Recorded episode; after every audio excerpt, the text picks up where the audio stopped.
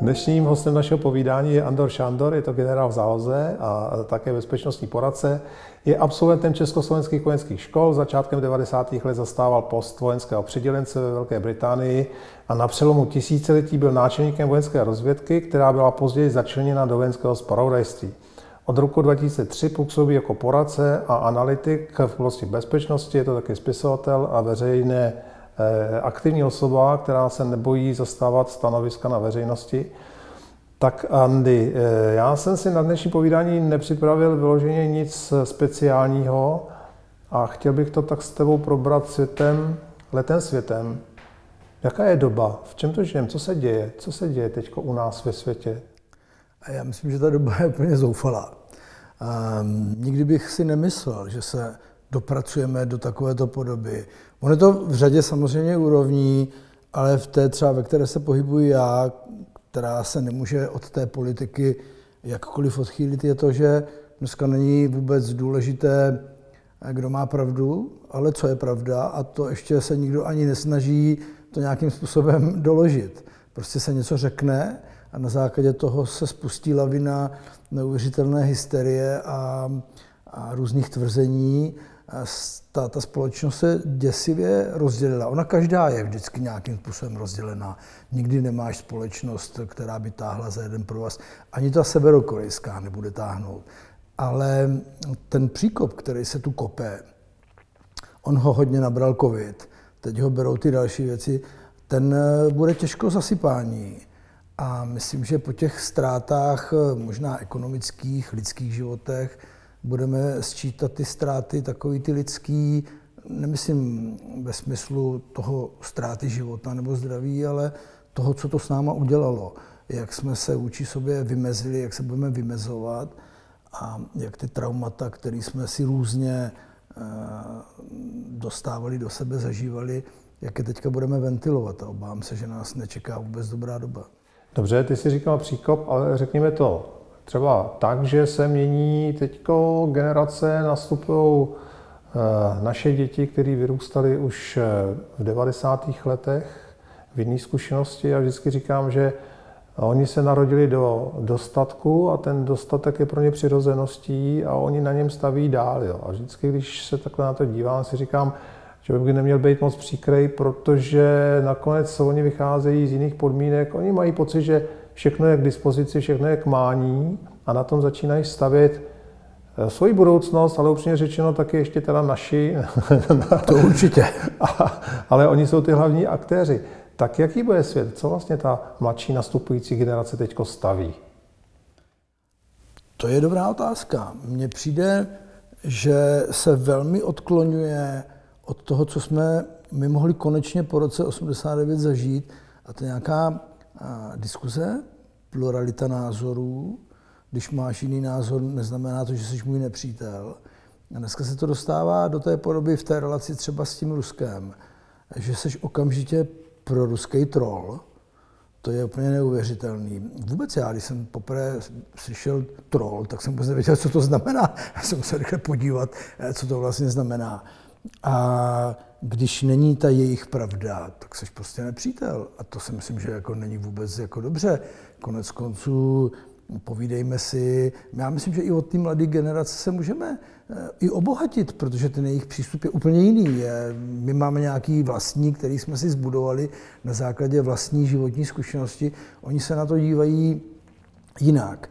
A myslím si, že aspoň v té kategorii, se kterou mám přece nějakou zkušenost, těch vysokoškolsky vzdělaných eh, mladých lidí jsou ovlivněni naším eh, systémem univerzitním, který po mém soudu výrazně abstrahuje zkušenost těch pedagogů životní a je, hluboce se zde promítá pouze nějaké eh, něco, co si přečetli, něco, co pořád říkají celou dobu, ale ta zkušenost těch když si vezmeš, kolik máme různých profesorů, a to, teď to nemyslím pejorativně, a kolik jich vidíš v tom veřejném prostoru, že by o něčem mluvili, že by eh, pomáhali vykládat ten svět, kromě dneska těch pár epidemiologů, eh, kteří si užívají ty svoje už eh, měsíce a rok slávy, kdy je předtím nikdo neposlouchal a dneska teda tvrdě hlásají to, o čem jsou přesvědčeni. Takže myslím si, že čím dál tím víc ti mladí mají nažitou nějakou teorii v relativně dobře se vyvíjejícím světě pro ně z toho statku dostatku, o čem si mluvil. A chybí jim taková ta větší, to větší, ta větší praxe, aby, aby k ním mluvili lidi, kteří něco zažili. Já se obávám, že to je, to, že to je špatně. To. Já vždycky, když čtu na Facebooku eh, diskuze u tebe, tak eh, ty lidi tam říkají, co si myslí o bezpečnostní situaci, o tajných službách, o agentech, jak to celý funguje. A oni prostě absolutně nevnímají to, že ty jsi jeden z mála profesionálů, Notabene si byl náčelník prostě eh, vojenské rozvědky nebo tajné služby, která se zabývá vlastně tou prací a celý život de facto se tím zabýváš. Jsi na to školený, máš tu praxi. A, a, a takhle je ještě e, analogie, já když třeba učím někde na škole, tak je úplně jedno, kdo jsem, odkud přicházím, jestli jsem v životě něco udělal nebo neudělal, ale Eh, mám na to tři čtvrtě hodiny nebo dvě hodiny přednášky, abych je přesvědčil, že to, co říkám, oni chtějí slyšet, anebo bych je přesvědčil o tom, že to nemá smysl. Hmm. Ale jakoby neplatí vlastně ten rámec, víš, rámování té skutečnosti do toho, že někdo od někud přichází, teď někde je a případně někam směřuje a, od toho se taky odvíjí jeho zkušenosti, chování, eh, to, co říká komentáře.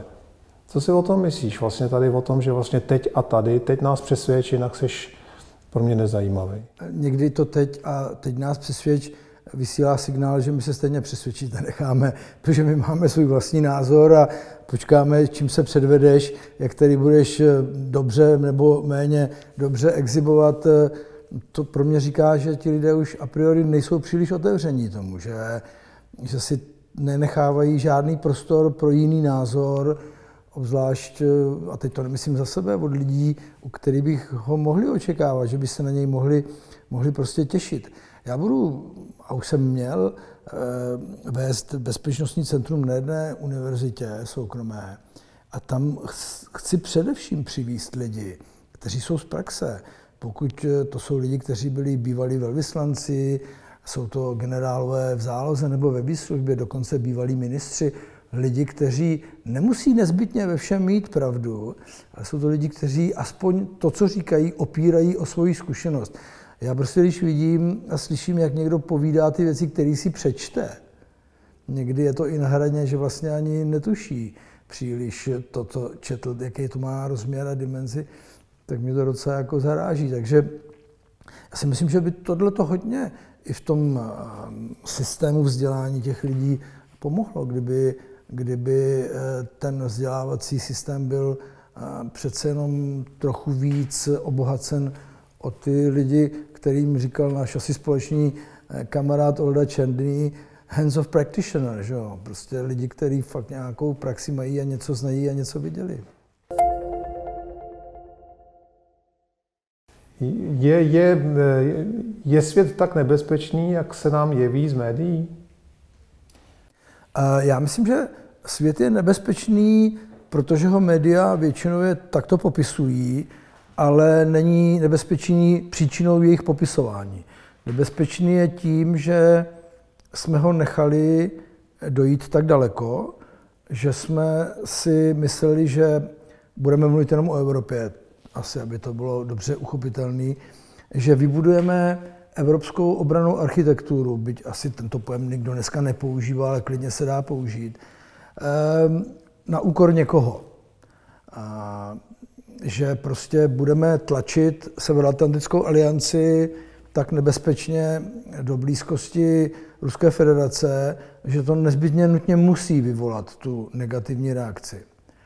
A je to vidět dneska na Ukrajině, ehm, je to vidět na tom, že kdybychom uvažovali o a brali vážně ruské námitky, které byly poprvé eh, artikulovány v roce 2008 na tom samitu NATO v Bukurešti, kdy Putin řekl Ukrajina a Gruzie už ne, tak eh, jako Bush už teď nějak už teď to nebral vážně, ale pořád jsme to tlačili na ten východ, to, že Sákašvili je asi regulérní magor. Já myslím, že to tenhle program snese toto toto označení a naběhl si na ty ruský vidle, to bylo vidět.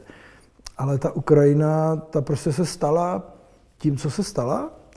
A my jsme měli přece uvažovat o tom, a i proto Rusko by byla nezávislá, relativně stabilní, ekonomicky silná Ukrajina, nárazníkem, když vezmeme ten narrativ proti nějakému pozemnímu konvenčnímu útoku Ruska na západ, ale také západu proti, proti Rusku. Takže obě strany podle mého soudu by mohly být bývaly spokojeny.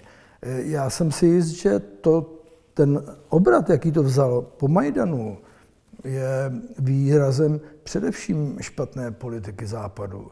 Nabídli jsme Ukrajině něco, když pomineme to, že se to nelíbilo Rusku, tak se to nelíbilo ani všem Ukrajincům. A v zásadě Majdan není nic jiného než státní převrat. Jako musíme ty věci nazývat správným, správným jménem. A to, co se všechno odehrálo, eh, tu Evropu samozřejmě bezpečnostně oslabilo. Jistě všichni ti eh, mladí, ale nejenom mladí neomarxističtí myslitelé budou namítat, že nikdo nemá právo druhé zemi mluvit eh, o tom, kam bude jak si patřit. Já bych chtěl jenom podotknout, že eh, životní zájmy velkých zemí neskončily. To, že my třeba nemáme žádný pořádný artikulovaný životní zájem, ještě neznamená, že je nemají jiní a že je budou prosazovat prostě na úkor těch druhých. A v té chvíli to vypadá, že se snažíme volit konfrontační způsob řešení toho problému, nikoli věcně a nikoli se prostě bavit. Obzvlášť pominout to, že Ruská federace je země asi o 160 nebo kolika milionech obyvatel. Je to pořád stále jaderná velmoc a je to země, která eh, má své zájmy. Ale já jsem přesvědčen, že hlavním zájmem Ruska je prodávat a nemá toho tolik, pokud jde o spektrum těch věcí, než nerostné bohatství. Má k tomu nastaveno ty cesty, jak to dostávat na ten západ těm svým klientům, byť ehm, buduje i ropovod a plynovod do Číny. A nelze, a tak jako vůbec hloupí v Kremlu přece nejsou, nelze udržovat velmi dobré ekonomické styky s Německem, Itálií a dalšími, a zároveň válčit v Pobaltí, že jo? To přece jako je logické. Řekni mi, řekni mi, jsi odborník. Ono se něco odehrává na jevišti a něco v zákulisí. Eh, když člověk sleduje eh, to, co se odehrává na veřejnosti, médiích, to, co je vidět, tak to vypadá jako, že opravdu ta válka je na spuštění a že to nebezpečí je reálný. Na druhou stranu já pořád věřím tomu, že tam za tím eh, portálem eh, ty, ty vojenští a političtí strategové na obou stranách vědí, co dělají a že doufám, že to jsou spíš takové jako hry, tanečky, které jsou vidět. Ale já doufám teda, že obě strany eh, to považují za ty tanečky. Co si o tom myslíš ty? My přebíráme poměrně nekriticky vyjádření ukrajinských politiků, především Zelenského, a pozbuzujeme ho tím, že mu Biden zavolá a řekne mu, Volodymyre, my stojíme při tobě. Já jenom doufám, že dobře čte, co znamená my stojíme při tobě. Jestli mu poskytne takzvaný lip service, že mu prostě řekne, tak, tak to ještě by měl dobře eh, chápat a nemělo by toho iniciovat k nějakému dalšímu prohlubování již poměrně vážného problému na té jihovýchodní Ukrajině. Určitě spolu ty lidi komunikují, to je bez pochyby, jinak by to nešlo, protože to bychom se skutečně dostali eh, na práh nějaké eh, nehezké války. Eh, rozhodnutí včerejší Ruska stáhnout 58. a 41. armádu a ty tři výsadkové divize od hranic Ukrajiny je jasný signál. Jasný signál k uvolnění napětí. Já si myslím, že je to minimálně komunikovaný nebo aspoň odhadnutelný signál, na který bude reagovat i Severoatlantická aliance, pokud jde o ta plánovaná cvičení, která mají proběhnout. To si myslím, že, že tak bude, že to je dobře, že se to stalo. Protože a, už jsme měli v minulosti vyhášení politiků, kteří nechtěli jít do války a nakonec ty státy v té válce prostě se ocitly. A v, v momentě, kdy se na relativně malé části světa, která je strategicky pro to Rusko, ale i Ukrajinu velmi důležitá, začne hromadit příliš mnoho vojsk, může také dojít k incidentu a ta malá vzdálenost mezi těmi vojsky eh, už nedává čas si ten incident vysvětlit. A to působí jako roznětka, která potom strhne ten větší konflikt. To, to se může klidně stát. Takže je dobře, že třeba ty americký torped, eh, letadl, eh, americké válečné lodi si rozmysleli, že nevplují do Černého moře. Myslím, že ty dvě britské eh, nebudou až tak, tak, tak komplikovaný, komplikovaná věc, protože za, za americkou vojenskou přítomností je vždycky potřeba vidět ještě tu skutečnou sílu.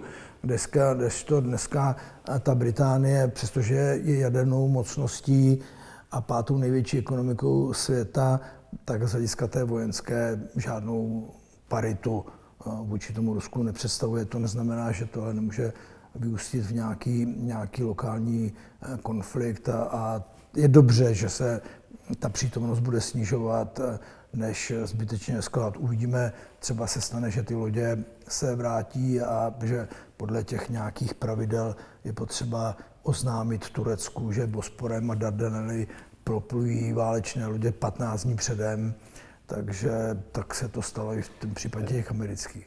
Andy, jsme na půdě iniciativy KIBES, to je iniciativa pro vyšší kyberbezpečnost, je to iniciativa firm, který si řekli, my chceme přispět státu s tím, aby eh, ten svět cyber byl, byl, byl, byl bezpečnější. Jak ty vnímáš právě ty konvenční hrozby a ty kyberhrozby? Já bych eh, nikdy nepodceňoval kybernetický hrozby. Také kyberprostor je čtvrtým válčištěm podle vnímání Severoatlantické aliance. Jen bych chtěl upozornit všechny, aby si nemysleli, že příští válka proběhne pouze v kyberprostoru. To je jako totální nesmysl, to tak určitě nebude. A konflikty, které se odehrávají, nám ukazují, že součástí třeba zahájení toho konfliktu je kyberútok, to jo, ale pak se to odbojuje klasikou, která tady je. Um, pokud jde o, o tu kybernetickou část, tak já tu vidím eh, takovou určitou disproporci v tom, jak řada firm se snaží technicky eh, zdokonalit a vylepšit eh, mm, tu, tu, ten celý tu IT infrastrukturu, to všechno, aby byla odolná. Nějak se nám nedaří mm, zodolnit ty uživatele. Protože ti uživatelé jsou podle mého soudu to největší slabinou. Pokud lidé nepochopí, že stahování zvláštní pošty, levné dovolené, pornostránek a já nevím čeho všeho, eh, že to ohrožuje tu společnost, tak můžeme vymýšlet, co chceme. Protože pak už jenom jedině eh, smyslem je nebýt na internetu. Že? To je přesně takovýto přenastavování způsobu myšlení, otevírání se novým, novým eh, technologiím a vůbec způsobům. Eh, Aleš Špidla říká, který jistě znáš, to je kyber bezpečnostní specialista a odborník, tak říká, že vlastně ty algoritmy, že, že definiční autority, to jsou ty, který, který vytváří ty algoritmy, podle kterých fungují ty nové technologie, v zásadě nám určují, jak my i myslíme. Jo. Hmm. Jenže oni jsou o krok napřed, jo. Oni, no, oni vlastně to dávají dohromady. Jo. Ale my, a to se už možná člověk eh, se s tím eh, často setkává, eh, vidíme, že vlastně reagujeme na, na ty algoritmy hmm. a nevíme, že reagujeme na algoritmy. Já třeba ve škole, když učím, já se zeptám studentů na něco a na dostatek informací, jestli mají dost informací a oni říkají, No máme, protože se klikneme na internet a tam je všechno. Hmm. No jo, no, bohužel. Ale já bych přece jenom, jak, jak, si, jak si povídal, tak mě napadl jeden příklad za všechny, který ukazuje to, jak přemýšlíme o té eh, bezpečnosti. Já jsem na internetu a vůbec IT. Já jsem kdysi dělal jednu nemocnici, není to tak dávno, logicky nebudu jmenovat, která to byla. A tam jsem přišel na to, že počítače které slouží k dávkování ozařování lidí, jsou na internetu, jsou v síti. A jak jsem se ptal těch lékařů, jestli je možné, že eh, to, když někdo do toho vstoupí, do toho procesu toho ozáření toho pacienta, že to může poškodit toho pacienta. Když se tam zvolí jiná dávka, jiná délka. A teprve oni najednou jako začnou reagovat a uvědomí si vlastně ten problém. A já se ptám, proč to musíte mít na internetu? To přece vůbec nemusí být v žádné síti. Takovéhle počítače by zásadně měly být jenom volně stojící. A to, když potom domyslíš a vidíš, zatím ty útoky na ty eh, nemocnice se eh, odehrávaly, zablokovat přístupy k dokumentaci a podobně, což je taky samozřejmě vážná věc, ale nikdy nevíme, v té černé hmotě, jaké tam ty ajťáky vidím, nic proti nim, že jsou lidi, kteří mluví svojí řeči, nikdo jim nerozumí, konec konců nikdo je ani pořádně nikdy nekontroluje. Co tam se může objevit někde za nějakého, teď zase pro mě nějakého magora, který se rozhodne, že půjde i tímhle, tímhle tím eh, způsobem, tak toho se docela hrozně obávám. Takže na jednu stranu tu děláme technická opatření, na druhou stranu flagrantně, uživatelsky otevíráme otevíráme svoje... A teď mi řekni, svoje... a teď se vracíme vlastně k té naší první polovině povídání, nebo první části povídání, a o tom, eh, o těch vzorcech, vzorcích myšlení. Jo. Naše generace se pohybuje v nějakém, jsme si popsali, možná už v tuto chvíli bychom řekli konzervativním vzorci, pro děti byli liberálnější.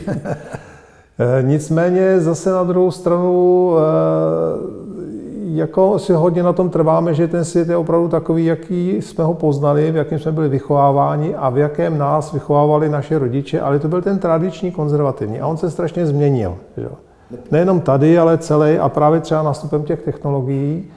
A ty naše děti, eh, myslím si, že tu bezpečnost možná nemají tak vyvinutou, vyvinutou toho chování, ale, ale je to víra. Je to víra v tom, že, že vlastně ten svět je otevřený tím, že prostě já mám hodně informací a zase z hlediska naší životní zkušenosti my říkáme, dobře, ale důležité je přemýšlet nad tím, aby si věděl, jaký informace možná nemáš, jaký se ti nenabízejí, jaký nejsou, že ti někdy něco může něco chybět a ty nevidíš, že ti to chybí.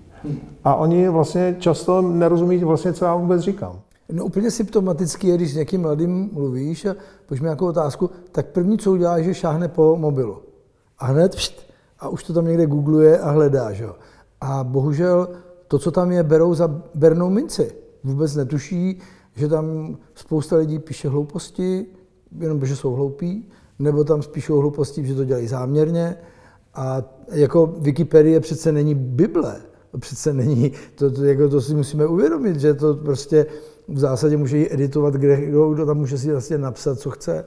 Takže to já bych byl hrozně opatrný. A k té bezpečnosti na tom IT, já myslím, že to začíná i u, u rodičů. V tom, že, a má to spojitost i s bezpečností dětí na tom, v tom kyberprostoru, že my jim místo lásky dáme iPad. Jo. My jim místo pohádek, které, já jsem četl pohádky, a si vzpomínám, když jsem chtěl přeskočit eh, třeba odstavec, protože dával nějaký film, no tak Martin řekl, ne, takhle to není, to se musíš vrátit. A, ale četl jsem ty pohádky a, a, a prostě toto věnování těm dětem je, že prostě až vidíš dneska dvouletý dítě, sedí někde u, u iPadu a, a prostě tam funguje. A, a vůbec jim neřekneme, že ten virtuální svět je minimálně stejně tak nebezpečný jako ten skutečný. Ty děti to vůbec netuší.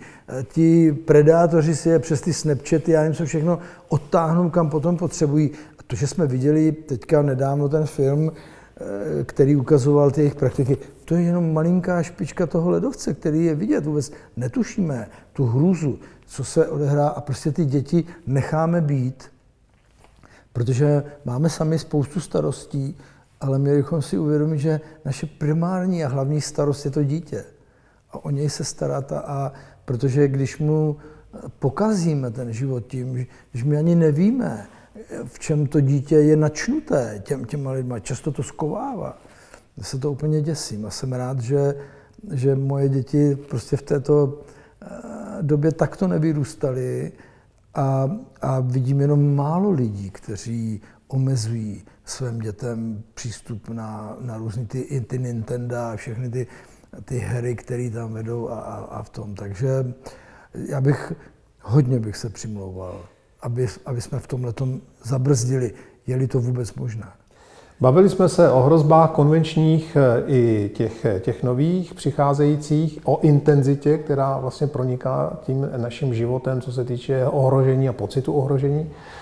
Eh, já bych chtěl teď mluvit o architektuře bezpečnostního systému. Spíš možná můžeme to vzít jako ze zhora, anebo od nás České republiky. Ten bezpečnostní systém, tak jak je nastavený, tajné služby, speciální složky, odborný, policejní, armádní, je to dobře, anebo si myslí, že, že by měl taky projít nějakou zásadní inovací?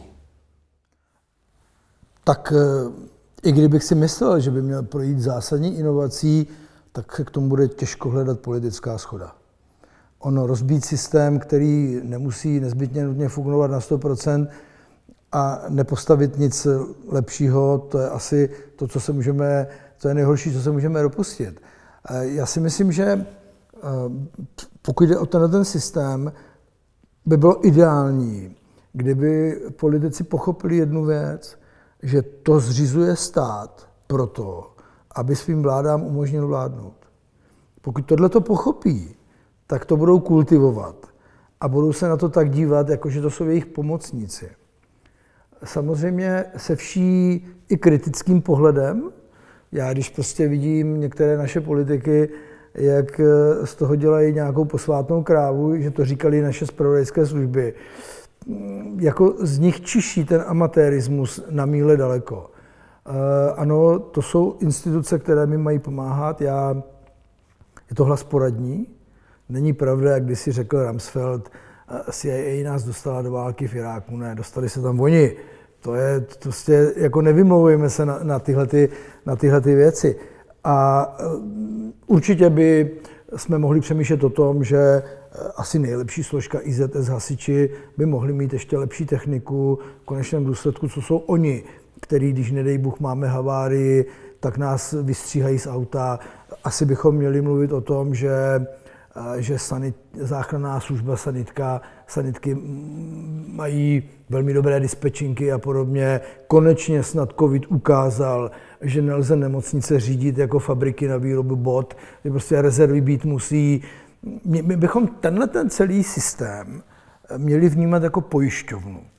Když je občan rozumný a odpovědný sám k sobě, tak se pojistí, pojistí si majetek, eh, vybírá si takovou pojišťovnu, která dobře plní, ta většinou bývá relativně drahá, takže tě to stojí peníze, ale v zásadě přijímáš to, že vlastně nechceš, aby muselo k tomu plnění dojít. Jinými slovy, nemůžeš říct, nebudeme ty armádě dávat prachy, protože stejně nebudeme bojovat, tak co jim to budeme dávat. Že jo? Tohle to, když pochopíme, že to je vlastně to, co nás má, že má chránit v případě problému, že to si vlastně musíme kultivovat a o to se musíme starat, pak bude dobře. Pak bude celkem dobře. Pokud jde samozřejmě i o ty vnější služby, které často bývají na ubytě, protože s tím si politici už vůbec neumí poradit, tak e, musíme mít nějakou jasnou, srozumitelnou, několika, ne v mnoha centrech zahraniční politiku.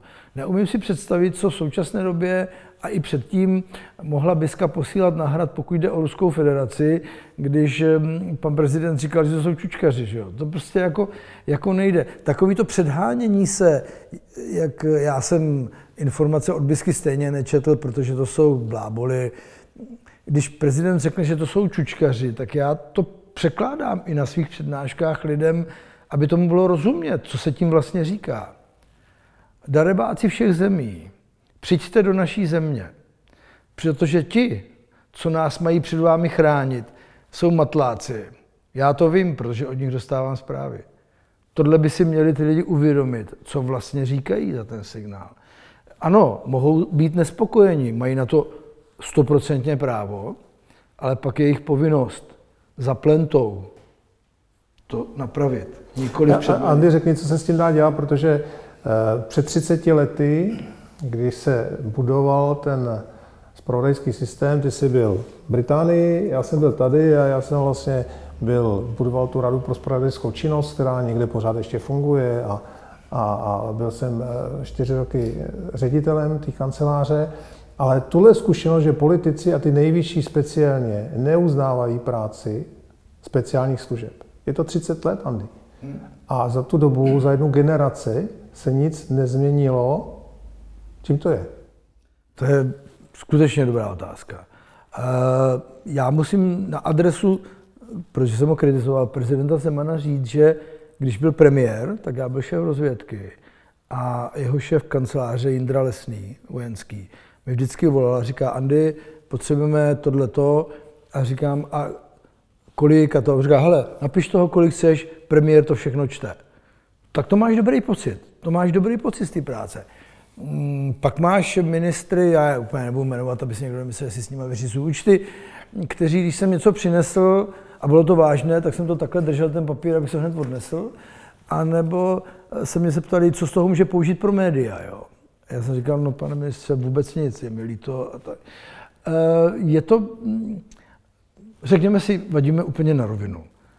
My kritizujeme politiky, vládu on je to nějakým způsobem eh, koncentrovaný odráz nás všech. Jako tam nejsou přece jiní lidi, mm, ne protože my si je zvolíme, ale jsou to prostě lidi, kteří jdou z této, z této země. Ano, můžeme se bránit, že ty to nejseš, já to taky nejsem, že se mezi ně neřadíme, ale v zásadě to tak je. Je to prostě i dáno tím asi, že my jsme vstupem do těch dvou hlavních institucí, to znamená Aliance Evropské unie, nabili na dlouhou dobu pocit, že to je vlastně konečný cíl našeho snažení. Místo, aby jsme pochopili, že to je začátek našeho snažení.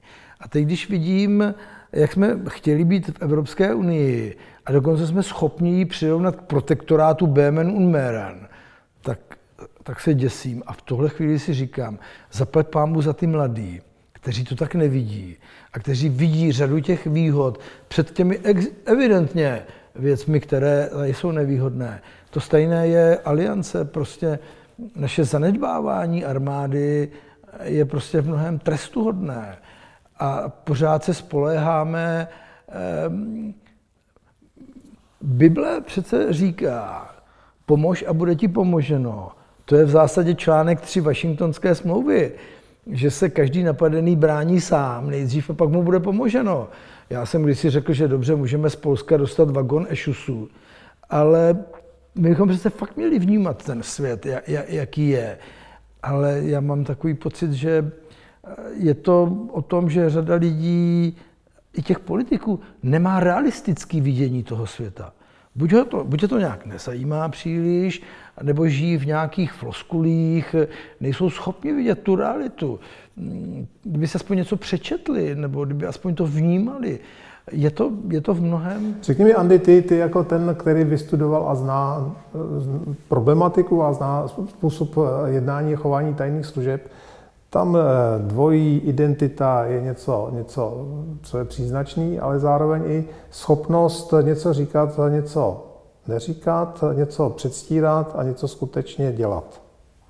A já, když ti mám, eh, když se koukám na ty politiky, nebo řadu lidí, kteří veřejně vystupují, nechci mluvit jenom o politicích, tak si říkám, teď on to říká kvůli tomu, že si myslí, že to má říkat, ale neříká to, nevěřím mu, že si to skutečně myslí. Hmm. Um, asi to bylo, bylo od jak živá. A jak se vypořádat s tím fenoménem? Že říkáš to, co se nechce jenom slyšet, ale to si, si myslíš, že je správný, aby si říkal veřejně, ale doma říkáš něco jiného. No tak to je ten úžasný koncept politické korektnosti, že jo.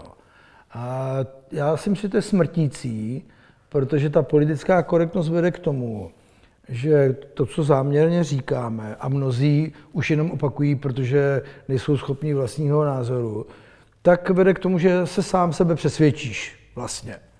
A pokud se, pokud, jakmile špatně popisuješ to, co vidíš, uvěříš tomu, no tak si odsouzen k tomu, že na to, pokud děláš, budeš dělat špatná opatření. To je jako strašně jednoduchý a k ničemu to nemůže víc, než jenom k maléru. My bychom si politická korektnost, odstranění politické korektnosti neznamená, že budeme vulgární, hulváti, budeme se hádat, ale nesnažme se zabalovat věci do nějakých, eh, nějakých kliše, které jsou úplně mimo. Samozřejmě v tom mezinárodním dialogu je třeba volit slova, to, to celkem určitě, ale ta slova, ten tón nesmí pozměnit podstatu toho sdělovaného. Pokud změníš podstatu toho sdělovaného, tak je snad asi lepší, lepší to neříkat.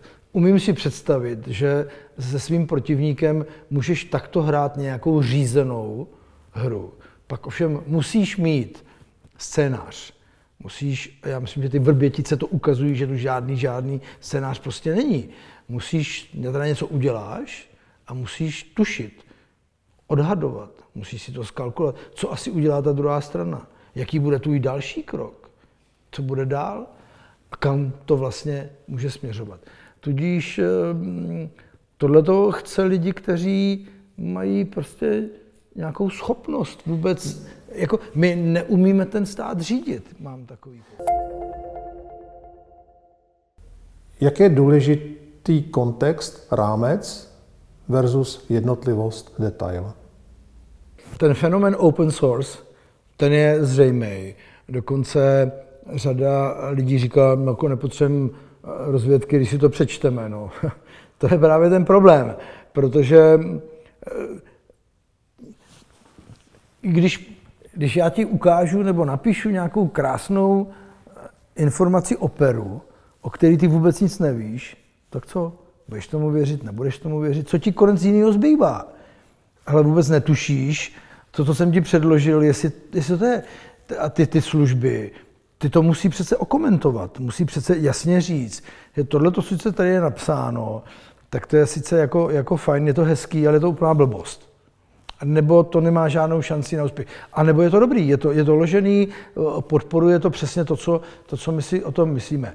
Proto já, když jsem jakoby zaváděl open source, tak jsem vždycky chtěl, aby bylo komentované.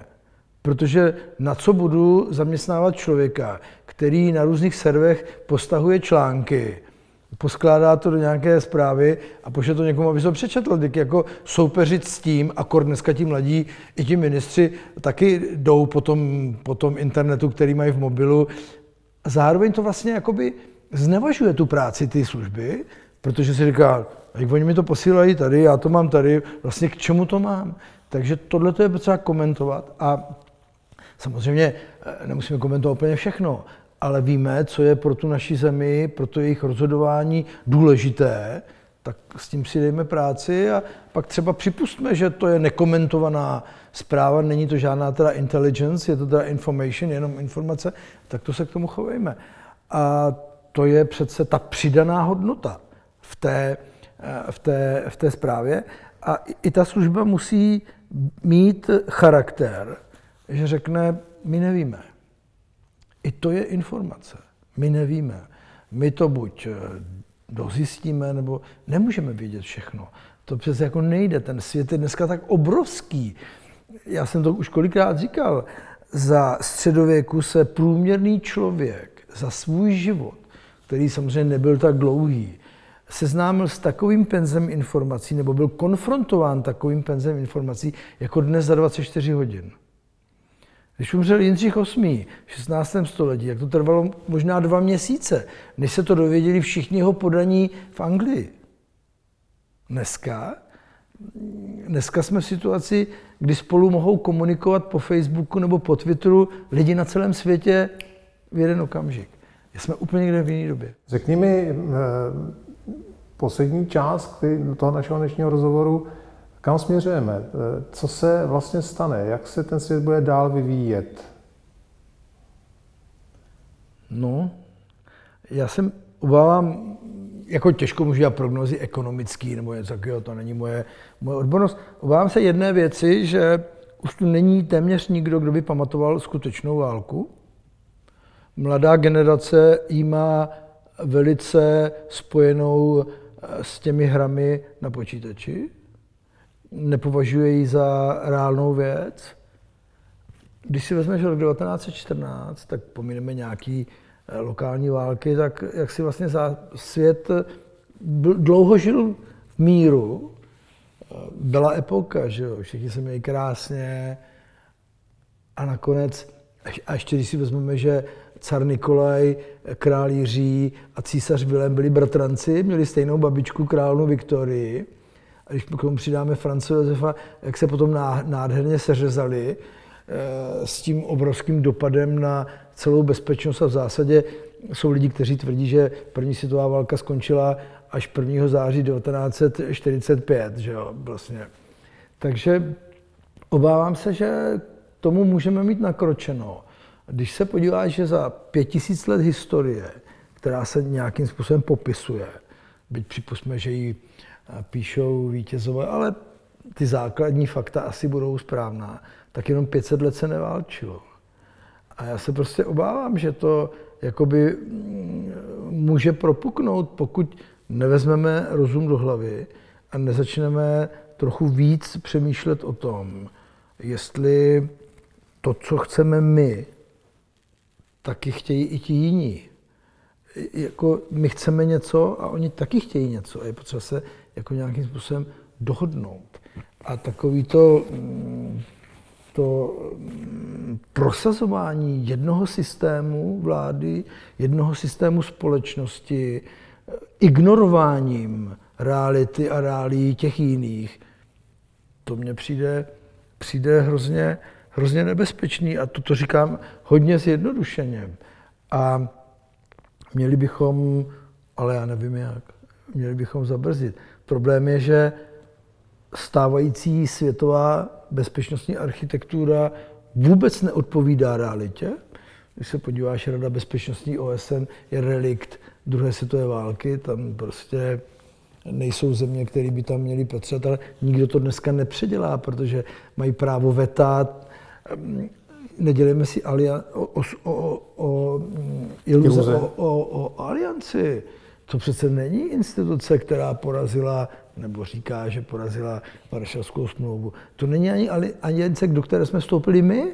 To už je prostě někde úplně něco, něco jiného. Takže mm, já se obávám, že ta, ta my, jsme, my dva jsme spolu, žijeme, ještě nám tolik není, ale žijeme celý náš život v míru. Je otázka, jestli ti mladí dneska, já bych jim to přál, budou moc v našem věku říct, že jsme žili v míru taky celý svůj Není, není ten covid, a teďko fakticky nemám na mysli to, jestli to někdo spustil uměle, co všechno přesto se dělo, ale není to svým způsobem už válka? někoho s někým, nevíme s kým, ale vlastně ten stav, kterým žijeme, nouzový stav, výjimečný stav, eh, stané právo nebo omezení, jako eh, spousta toho běžného života, není to jakoby válečný stav? Já si nemyslím. Válka vypadá trochu jinak. Byť mě to taky štve strašně, ale v zásadě v té nejhorší době po nás se chtělo, aby jsme měli masku na obličeji a byli doma to ještě pořád hodně daleko má k té nějaké válce, kdy... Té krvavé válce. Té krvavé válce.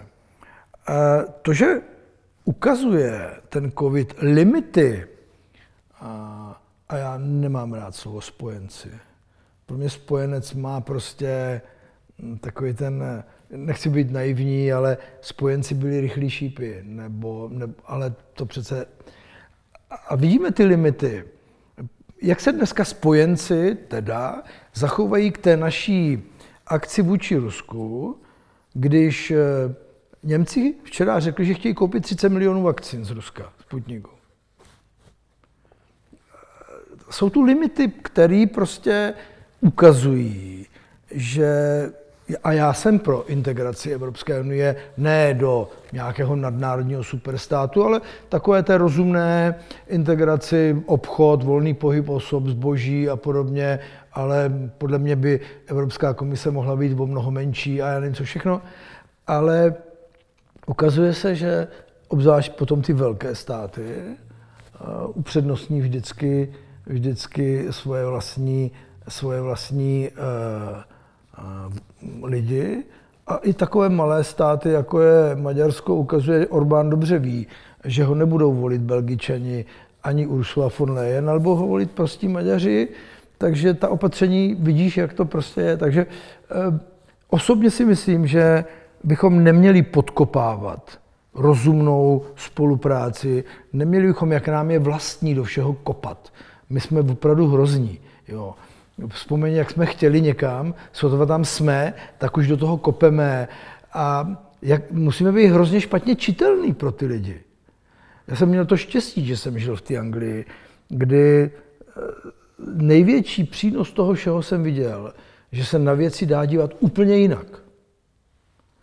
A my tady pořád máme, jak jsme takový malí relativně, my asi tak malí nejsme, že? ale jak jsme relativně malí, jak máme ten náš rybníček takový zapšklej, jak si v tom, jak si rozmnožujeme eh, ten náš vlastní pocit k věcem, eh, naše nenávisti vůči věcem, eh, naše různé mindráčky a podobně, že někdy vypadáme směšně. Máme, Andy, absenci elit? Jak je to u nás s elitama? Já vím, že byly od eh, po bělohorské době byly emigrační vlny, kdy naše... To už se mohla dohonit. Inteligence už se to doplní. A Izmael potom bylo 48. 68. Teďka Evropská unie, tak řada lidí, kteří prostě mají jako tu šanci se uplatnit venku, tak odchází dál a ven. Eh, není to svým způsobem taky krize elit? No, já si myslím, že to je hrozně špatně pro tu zem. A to, to určitě. A, a, a ta krize elit, my, my, my, my jsme se pořád nezbavili toho starého pohledu, že vlastně tu zem má řídit jenom parta nějakých 17 ministrů. My jsme pořád nezbudovali tu občanskou společnost, ve které by ty elity místně to táhly tu společnost. A my pořád prostě sedíme a čekáme, co nám řekne premiér, co nám řekne dokonce i prezident. Víš co, možná, že vlastně teď mě napadlo, že ta občanská společnost byla vytvářena vlastně zase vlivem té Ameriky, kdy nám řekli teda, tehdy za období velké síly Havla, vytvořte tady občanskou společnost, dáme vám na to peníze a vznikl nesmírně přebujelej e, sektor NGO neziskovek, to není ono, o tom ale, ale to není ono. No, to, to je prostě my jako to máme, ale tam se to vlastně, tam, kde to vzniklo, vzniklo to spontánně na základě prostě výjimečných lidí, projektů, zehnali si peníze, něco udělali, přežili, prostě rostlo to ze spoda, ale my jsme to udělali formálně jako ze zora. My jsme zřídili obrovský neziskový sektor, který je ale pořád napájený no, z 99% ze státních peněz no. nebo z nějakých fondů prostě z zahraničí. Ale vlastně ta podstata, aby se ty lidi chopili věcí a začali sami o věcech rozhodovat a projevovat svoji vůli tady za celých 30 let, nevznikla. Já dám takový příklad. Jak jsem žil v té Anglii, tak Neighborhood Watch. Jako ty lidi, jo, a u nás práskání. Jo, a to přece není ono, to je, to je přece úplně něco jiného.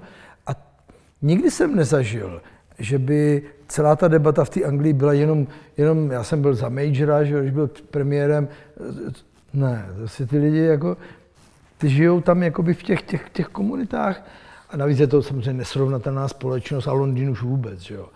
Ale tohle se u nás prostě nepodařilo, protože ani chatové kolonie z komunismu kde čeští lidé, nebo i Slováci, jezdili odpočívat od toho bolševického marazmu, se nepřetavili a ani nemohli na nějakou tu občanskou společnost, jestli mi rozumíš, protože ta se musí eh, jaksi budovat někde na základě společných zájmů, místa bydlení a podobně, když to ty chaty nějak koncentrovali lidi od jiných těch. Takže to, to, to se mi přijde, že se úplně moc nepovedlo. A, a ty elity nemají kde vlastně jakoby působit, protože spousta lidí, kteří něco umí, něco, tak nechtějí jít do politiky, protože to pro ně je pejorativní, vidí, vidí, vidí to, co je a když nemají uplatnění, tak prostě, prostě jdou jinde. No. A to, to je to nejhorší, co ten stát může potkat.